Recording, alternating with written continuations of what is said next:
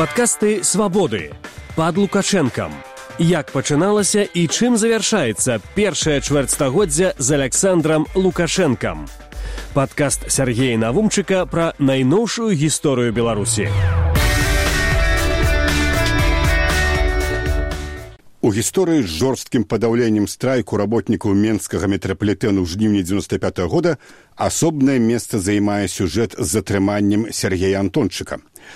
Амап паклаў менскі страйкам тварам у асфальт, некалькіх чалавек затрымалі і судзілі, але да дэпутата апазіцыі БНФ у вярхоўным савеце Сергея Антончыка прымянілі найбольш жорсткія метады і гэта не было выпадковасцю менавіта ён дэпутат вярхоўнага савета як ніхто з палітыкаў як ніхто са страйкамаўцаў спалучаў у сябе досвед і палітычнай і страйкавай барацьбы Сергей антончык памятаў перамогі і паразы красавіцкага страйку 91 -го году. Памятала пра ягоны удзел у арганізацыі таго страйку які скалыхнуў Беларусь і атачэння лукашэнкі. І ў самы напружаны момант страйку дэпутат апазіцыі бнф у вярхоўным савеце Сергей антончык знік. Мне як тагачаснаму дэпутату вярхоўнага савета давялося быць сярод тых хто больш як суткі шукаў Сергея антончыка але цяпер я дам не ўласныя ўспаміны а фрагменты рэпартажаў якія гучалі на хвалях свабоды. У іх зафіксавана атмасфера 95 -го году. 22 жніўня беларускую праграму радыасвабода вёў сяржук сокалаў воюш уключаю архіўны запіс. Учора ўвечары прапаў сергей антончык. Уночы дэпутаты вярхоўнага савету валянцін голубеў і сергей навумчык вымушаныя былі адправіцца на яго пошук з імі былі жонка сергея антончыка тамара а таксама ваш корэспандэнт галіна прыгара. Яна і перадае падрабязнасці. Сергей антончык быў не проста у парушэнні ўсіх законных нормаў арыштаваны. Да яго не быў дапушчаны адвакат.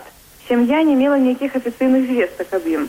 Акрамя таго на запыты дэпутатаў апазіцыі да дзяжурнага мус быў атрыманы адказ што ў структурах і падраздзяленнях унутраных справаў антончыка няма яго улічваючы дэпутацкі імунітэт мы не маем права затрымаць сказаў дзяжурны мус дзяжурны падпалкоўнік кДб пры сустрэчы сергеем навумчыкам адзначыў што ўжо гадзіну шукае антончыка але па звестках яго ні ў кДб ні ў міліцыі няма. Аб знікненні антончыка дэпутаты апазіцыі валянцін голубеў і сергей навумчык папярэдзілі дзяжурных прызыдума вярхоўнага савета і адміністрацыі прэзідэнта і выказалі свой пратэст падобным метадам змагання з палітычнымі апанентамі. Час ужо пайшоў за поўнач а пэўнай афіцыйнай інфармацыі пра антончыка так і не ўдалося дастаць. Усе гэтыя абставіны давалі падставы меркаваць аб наступных правакацыях з боку ўладаў у дачыненні да сергея антончыка. Прагназаваліся магчымыя спробы наступным часам адмаўляць факт арышту дэпутата антончыка і тым самым стварыць прэцэдэнт непакаранага беспадстаўнага і антызаконнага затрымання дэпутата верхоўнага савета не тое што звычайна грамадзяніна І нарэшце было вырашана скарыстацца неафіцыйнай інфармацыяй аб тым, што антончык утрымліваецца ў адной з вайсковых частак мус Менска. Пра тое, што адбылося далей, распавіў на месцы Валенцін голубеў. Ну што адбылося? Вось прыехалі мы ў гэтую воінскую частку міністэрства ўнутраных справ Беларусі, якая знаходзіцца на тэрыторыі маёй акругі на вуліцы Прылуцкай і з размовы з дзяжурным вайсковай частцы стало вядома што сапраўды затрыманыя сёння незаконна людзі знаходзяцца тут і калі я сказаў што мне вядома што депутат верховная совета беларусі сергей антончык знаходзіцца тут і я хочу побачыць што ён жывы і здаровы мне было сказано что ён адпачывае ўжо і было адмоўлена у сустрэчы ніхто з афіцераў паўторна не выйшаў хаця мы по іх просьбе прачакалі яшчэ недзе паўгадзіны выслалі тры шараговых хлопцы якія сказалі што ім перадалі каб мы прыйшлі заўтра восемь гадзін раніцы ні на якія патрабаванні выканання закона рэакцыі не было ну что тут можна сказаць я як гісторык скажу. Нават у фашыстоўскай італіі германії іспаніі мне невядома што такое рабілася толькі ўжо ў часы военных дзеянняў у часы грамадзянскай войны у дзяржаве такое было. І я баюся што рэжым ідзе свядома на вось правакацыі напружання ў дзяржаве наступныя крокі дэпутатаў былі заканамерныя Спачатку яны вырашылі праінфармаваць аб месцы ўтрымання антончыка міністэрства ўнутраных справаў. Вось запіс гэтага візіту. Ласка, депутат Верховного Совета Голубев, депутат Верховного Совета Наумчик. Так, у нас питання такі, що депутат Верховного Совета Антончик затримав. Почекай, про двери, що, з ким я про двери говорю? Добре, скажите, коли ласка, що ми тільки про двери можемо говорити? Только через двери. Тільки... Ну это уже цікаво, що тільки про двери. Да. А что, вы боитесь с депутатом Верховного Совета поговорить? Нет, я не боюсь, вопрос другого. Мне есть приказ, что после 9 часов закрыть и никого не пускать. Тогда я вас информую, что я только что выезжал на место с депутатом Навумчиком Так. у військовую частку Міністерства внутренних справ, яка знаходиться на вулиці Прилуцької. Це територія моєї виборчої округи. Я отримав інформацію, що там знаходиться незаконно затриманий депутат Верховного Совета Антончик. До мене звернулася його жонка. Сергій Антончик, там сапраўды ёсць, я толькі што там быў і дзяжурны па вайсковай частцы сказаў, што ён там аддыхае.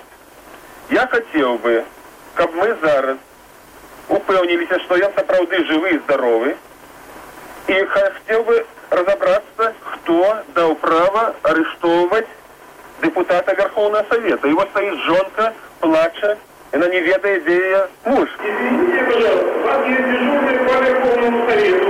Я здоровый? Есть дежурный по Верховному Совету, к которому можете обратиться. И по его распоряжению я имею право вас направить туда, и вы, вы выходите туда к нему, к, э, к вот самый, связать его вместе вот, самый, имею в виду, э, по распоряжению министра, встретиться с ним и говорить с ним на правах, как, как вы мне сегодня заявляете. Других мне прав нема.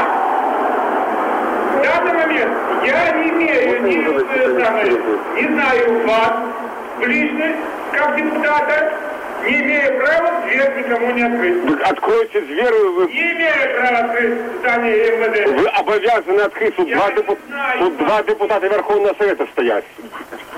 Не имею права. Я не знаю вас лицо. А чья вам станция э, потребная? Дежурная? Пожалуйста, идите куда хотите. Хоть прокурора идите. Я не имею права открыть. Тут я перапыню рэпартаж галіны прыгары і пракаментую словы дзяжурнага па міністэрству ўнутраных спраў. Сваёй заявай, што ён не прапусціць дэпутатаў Верховнага Савету ў будынак мус, што ён не абавязаны адказваць на пытанні дэпутатаў, што дэпутаты павінны звярнуцца да дзяжурнага па Верховным Савеце, а ўжо той будзе звяртацца да міністра ўнутраных спраў. І вось калі міністр дасць каманду, тады можна будзе звязацца з дэпутатам Антончыкам, усім гэтым афіцэр прадэманстраваў альбо неведанне, альбо свядомае ігнараванне законаў, у тым ліку і закону пра статус дэпутата Верховнага Савета. Паводле гэтага закону кожны чыноўнік, у тым ліку і супрацоўнік мус быў абавязаны прадаставіць дэпутату інфармацыю, якая яго цікавіць. Зрэшты, гэта быў не першы выпадак такога стаўлення. З моманту абрання прэзідэнтам Александра Лукашэнкі і прыходу на пасаду міністра ўнутраных спраў Юрыя Захаранкі дзейнасць органаў міністэрства ўнутраных спраў набыла выразны рэпрэсіўны характар у дачыненні да палітычных апанентаў лукашэнкі. Дзяжурны як вы чулі накіраваў дэпутатаў у прокуратуру паслухаем рэпартаж карэспандэнткі свабоды далей Праз дзве гадзіны размоваў дзяжурны пракуратуры Рэспублікі Беларусь давёў да дэпутатаў і жонкі Антончыка у якасці адказу на пісьмовы запыт Голубева і Наумчыка афіцыйную інфармацыю аб утрыманні дэпутата Сергея Антончыка ў вайсковай частцы МУС у Менску. Пошукі Сергея Антончыка, можа, і не вартыя былі б такога падрабязнага расповеду, але яны яшчэ раз паказалі, што на Беларусі сёння не працуюць законы, не існуе ніякой прававой дзяржавы, што машына улады можа зрабіць чалавекам усё, што задумаецца яе кіроўцу. У тым ліку пасадзіць у следчыя ізалятары ды турмы, беспастаўна пасадзіць любога чалавека, не гледзячы нават на яго дэпутацкі імунітэт і статус. Ці адправіць, як сказаў вайсковец у гэтай вайсковай частцы на адпачынак. Дарэчы, такія месцы ці зоны адпачынку могуць з маўклівай згоды грамадскасці стаць санаторыямі для палітычных апанентаў прэзідэнта.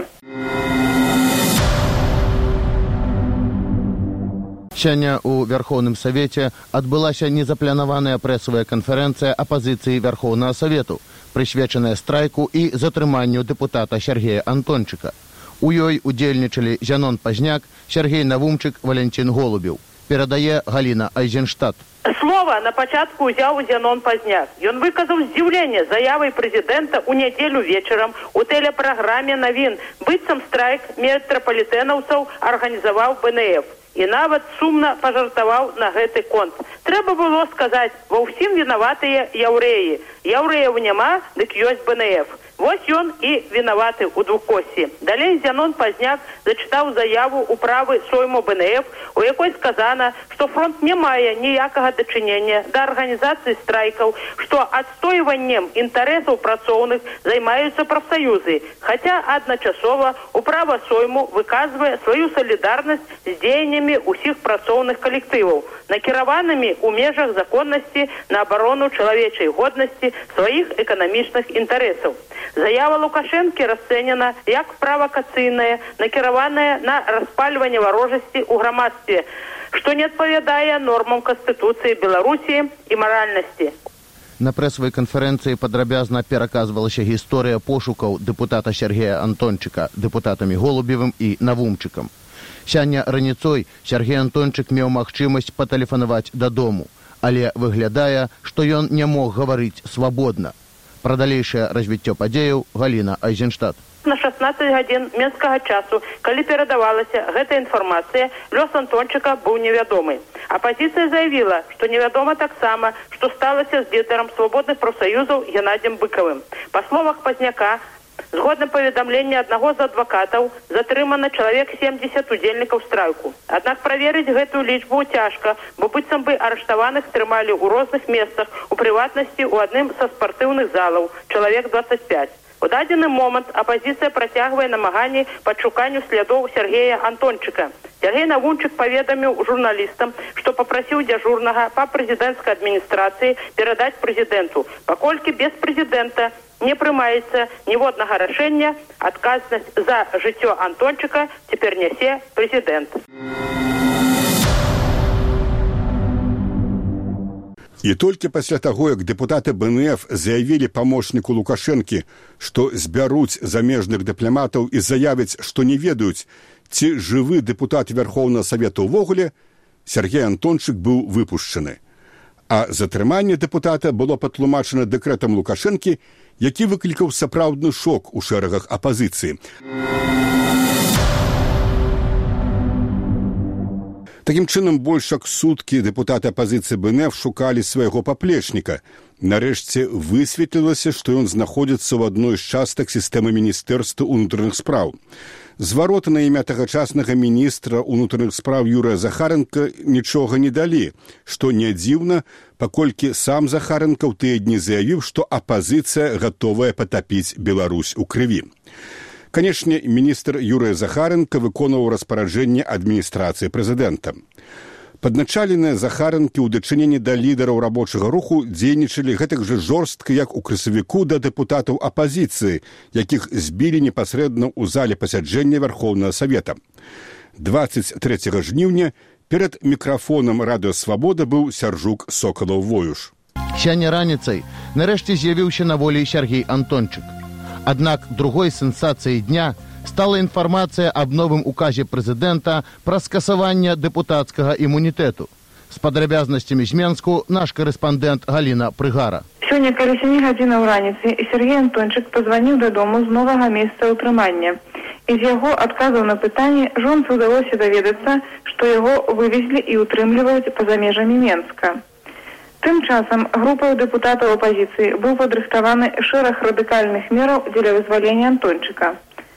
Сітуацыя сёння рэзка змянілася, сказаў спадар антончык. Два дні яны думалі, як мяне пасадзіць у турму, а сёння думалі, як вызваліць. А ўвогуле ўсё адбывалася так, гаворыць Сергей антончык. 21 у 4 гадзіны дня сюды падашлі да мяне два офіцеры, один офіцер полковник и сказал, что мы запрашаем вас э, пройти на некую, как они сказали, размову. Ну, я отмовился, сказал, что я народный депутат, имеете права. калі хочется затрымліваць вы павінны получить доходу совета калі вярнуцца от немады хотя б нейкае рашэнне прокуратуры ці кого-нибудь яны как бы отказываетесь знаете я кажется парадцы вызвали бронежилетах людей я правда не сопротивляюсь ну что пять человек и они меня посадили в машину и завезли на Прилукскую это внутренние э, там войски или где-то даже это называется там я был целый день был одной такой покойчику, там со мной постоянно находились люди в масках, вот таких металлических бронежилет и маски на царах. И все, мне ничего не брали, ни телефона, не звонить, ничего. За мной добро выходит, и никакого ни дрена, ни слова, ничего. Приносили есть, но я, правда, отказался. И потом ночью, я на ложек принесли, вот, и я там переночевал, свет не выключали, сказали, что нам приказ не выключать свет. Разницу 6 годин э, за мной приехали и завезли на Панскую улица Панская, где колония. И там тримали целый день, правда, не в самой колонии, а у роте охраны колонии. Тоже э, не выпускали охрану, туалет, ну и так далее, как кажется. Але нормально все относились, ничего. Просили пробачения, что пробачьте, мы разумеем, але наш приказ, ничего мы не можем зробить. И что нравится, мы не ведаем. Приказ дал самый верх, что это, як бы, от президента заходит. Потом я до самого вечера был, пришел человек один, и меня э, посадили опять в ну, меня завезли уже за город Минск, в центр подрыхтовки внутренних войск. Это по э, Крылово шоссе. Я там был вечер, ночью, ну, были офицеры, только одни офицеры, там были мы. И сегодня раницей меня завезли в КГБ, в Следственный комитет, э, и сказали о том, что э, указом президента 21-го отменено, так скажем, иммунитет депутату снятый. И они мне сказали, что вы просто зараз громадянин, так что до вас будет сделано все як до любого громадянина. Вот и сказали, что и покой, что идите. Я ничего не могу сказать, что меня там где-то пытали, допрашивали. Просто як бы меня нема. Вот люди сидят и все. І вось тут я хачу перапыніць рэпартаж корэспандэнткі свабоды і патлумачыць у чым прынцып дэпутацкай недатыкальнасці. Прынцып гэты базуецца на тым, што дэпутат абраніц народа, ён прадстаўляе народ і таму яму нададзены надзвычайныя паўнамоцтвы. Ключавое слова тут народ. Гэты прынцып асабліва важны ў краінах з яшчэ маладой дэмакратыі. Беларусь на пачатку 90-х гадоў такой краіны безумоўна была яна была краіны з маладой дэмакратыяй і гэты прынцып там дзейнічаў. І ён гэты прынцып абсалютна не дзейнічаў у краінах аўтарытарных дыктатарскіх, дзе парламенты выконваюць дэкаратыўную функцыю, а рэпрэсіўныя органы стаяць над такімі парламентамі іншымі словамі стаяць над народам у беларусі до девяносто пятого года падкрэслю гэты прынцып выконваўся нават збіццё дэпутатаў бнф у авальнай зале лукашенко абвяргаў маўляў іх ніхто пальцам не чапаў у жніўні ж девяносто пятого лукашенко вырашыў скасаваць прынцып дэпутацкай недатыкальнасці і пераўтварыўшы органы муз дкдб у рэпрэсіўна карныя органы паставіць іх над парламентам над народам. Калі людзі ведомства юрыя захаранкі чынілі беззаконне над дэпутатам антончыкам без усялякага указа лукашэнкі не прапускалі дэпутатаў вярхоўнага савета ў будынак мус не абцяжараваючы сябе пошукам юрыдычна прававых апраўданняў дык як выглядала з расповеду антончыка кдэбісты з задавальненнем успрынялі ўказ лукашэнкі аб ліквідацыі дэпутацкай недатыкальнасці. І наіўна меркаваць што чэкісты якія пастаянна спасылаліся што выконваюць канстытуцыю і літару закона нават не падумалі ўдакладніць а ці мае права прэзідэнт прымаць такі ўказ. Зразумела што цудоўна ведалі не мае ніякага права. Лукашенко парушыў нават не толькі закон але і канстытуцыю тым не менш супрацоўнікі кДб ахвотна выканалі загад.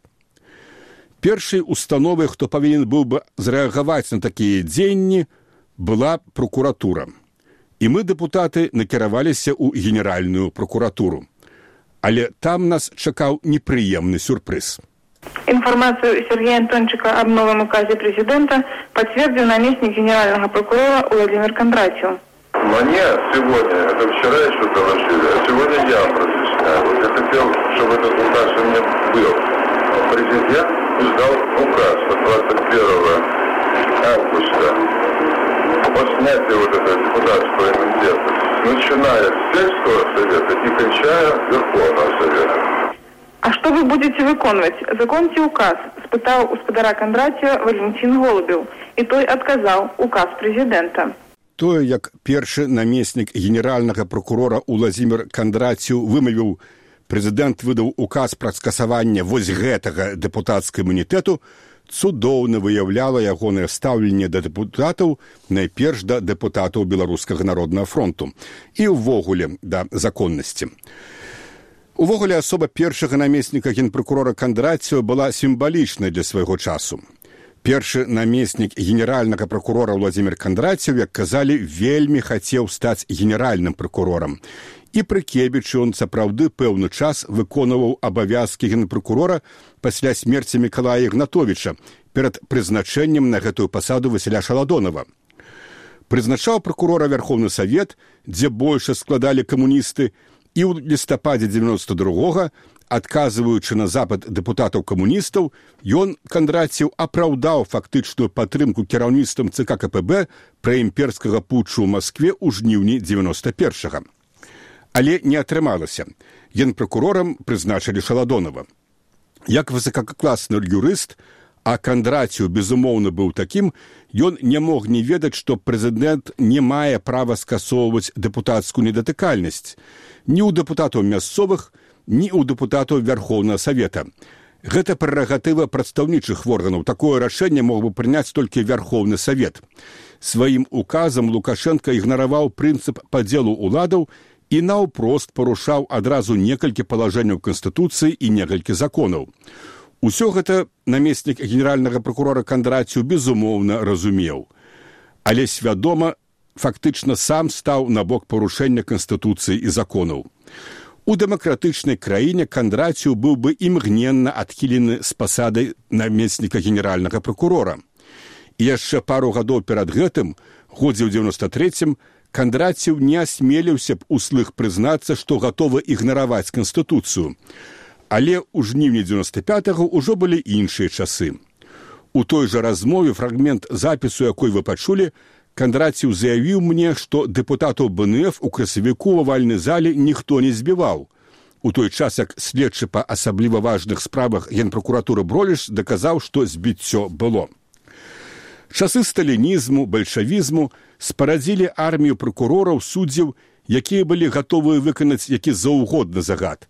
Але былі і такія якім выносяць расстрэльныя прысуды дастаўляла асалоду уяўляю як пакутаваў намеснік генпракурора кандраціў у кароткі час адносна беларускай дэмакратыі з девяносто першага по девяносто четверты год калі мусіў адказваць на запыты ненавісных яму дэпутатаў бнф але з прыходам да ўлада лукашэнкі вярнулася магчымасць гэтых самых дэпутатаў бнф і збіваць і арыштоўваць. Кандрацію будзе верна служыць лукашэнку. Цікава што ў лістападзе девяносто шостого падчас канстытуцыйнага крызісу лукашенко ўзнагародзяць кандраціва медалём як вы думаеце якім за адвагу але толькі медалём на ордэн кандраціў не выслужыцца Але вернемся да падзеі ў жніўня 95. -го. Дэпутаты апазіцыі каментуюць такі адказ намесніка генпракурора як паказчык усталявання ў краіне дыктатуры прэзідэнта. Бо дыктатура гэта рэжым улады, калі падзаконныя акты, указы набываюць статус вышэйшы за канстытуцыю і законы. Сітуацыю апошніх дзён каментуе зянон пазняк. Тут ёсць пэўная змова і вядзецца нейкая подлая, тайная гульня. Сэнс яе, зыходзячы з характару гэтага рэжыма, можна вызначыць наступным чынам, што гэтыя людзі хочуць запалохаць насельніцтва, запалохаць рабочых, запалохаць усіх астатніх вось такімі рэпрэсіўнымі нахабнымі метадамі супраць дэпутата вярхоўнага савета плюючы на закон і робячы стаўку на армію гэта дэманстрацыя сілы дэманстрацыя цынізма і пагроза скасаванне дэпутацкай недатыкальнасці прэзідэнцкім указам сутарэчыць канстытуцыі якая гарантуе імунітэт народным выбраннікам сутарэчыць закону аб статусе народнага дэпутата вярхоўнага савету закону аб верхоўным савеце рэспублікі Беларусь, дзе імунітэт гарантуецца дэпутатам нават на працягу двух наступных гадоў пасля сканчэння дэпутацкіх паўнамоцтваў. Алена Прыгара для радыё свабода Менск.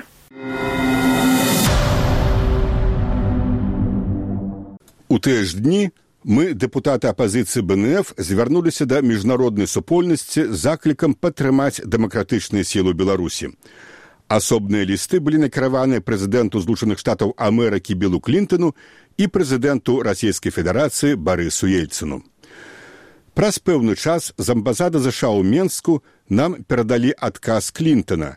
Ён пацвердзіў што амерыка заўсёды будзе падтрымліваць дэмакратыю і выкананне правоў чалавека ў беларусі ельцын не адказаў падкасты свабоды пад лукашэнкам як пачыналася і чым завяршаецца першае чвэрцьстагоддзя з александром лукашэнкам. Падкаст сергея навумчыка пра найноўшую гісторыю беларусі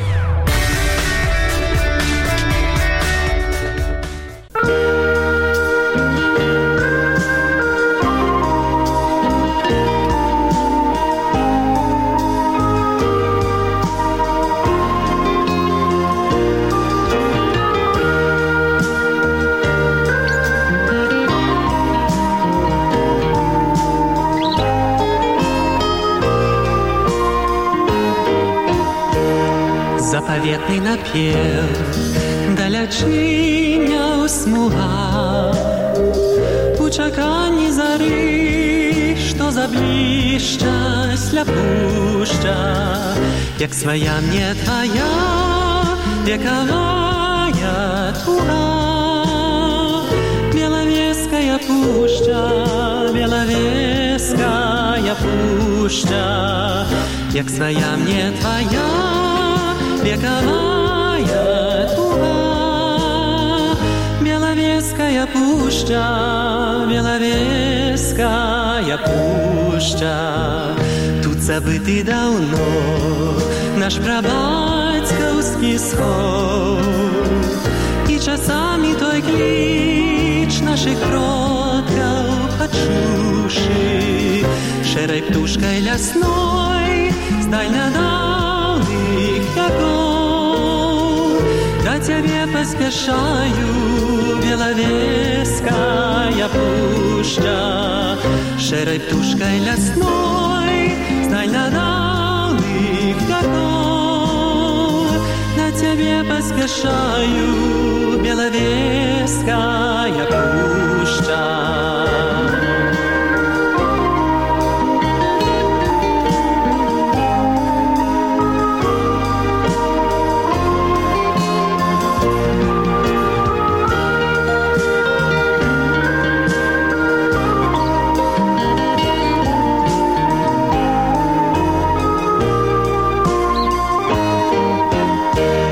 ледзьве значным святком да крыніцы брыду Растраву трызнякі хмызняковыя пушчы Я калені з кален п'ю жывую ваду роднай праўды твае белавеская пушча Я калені з кален п'ю жывую ваду роднай праўды твае белавеская пушча адагрэю душу для высокіх дубов ды на ўцеху жывым і сляпымі відушным панесу твой напеў